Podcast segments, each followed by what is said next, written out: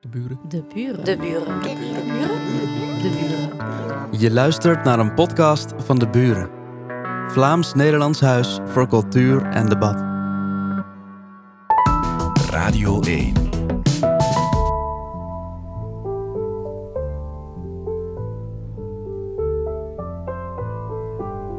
Dit jaar was voor mij geen wandeling in het park. Het is nog altijd oorlog in Europa. Thuis loop ik rond in thermisch ondergoed. Mijn favoriete mosterd is onbetaalbaar geworden. En mijn hond en ik moesten in therapie. Dat laatste viel me nog het zwaarst.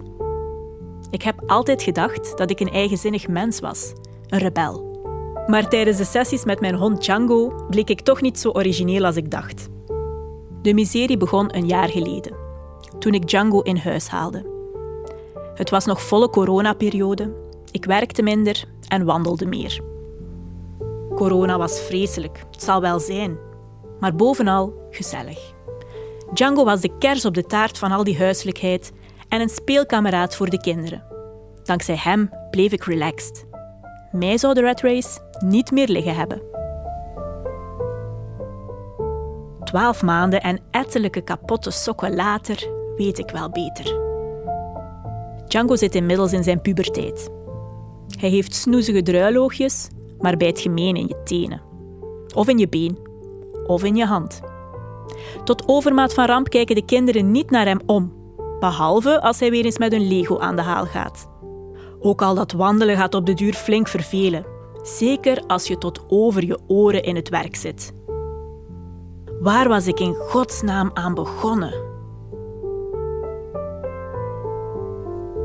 Blijkbaar ben ik niet de enige met de coronahond blues. Tijdens de pandemie kochten we ze massaal. Vandaag willen we er massaal weer vanaf. Deze zomer trokken asielhouders aan de alarmbel.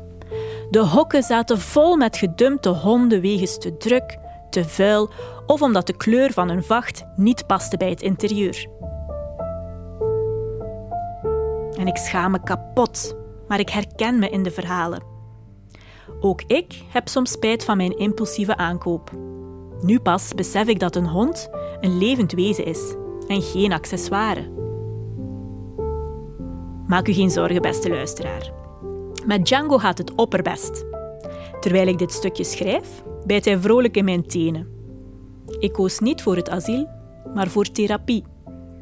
De uitkomst? Minder werken, meer wandelen. En zo doet Django uiteindelijk toch waar ik hem voor heb gekocht. 2022. Wat een hondenjaar. De buren. De buren. De buren. De buren. De buren. Je luisterde naar een podcast van De Buren. Vlaams-Nederlands Huis voor Cultuur en Debat. Benieuwd naar meer? Luister ook naar onze andere verhalen en registraties. En ontdek ons podiumprogramma op deburen.eu.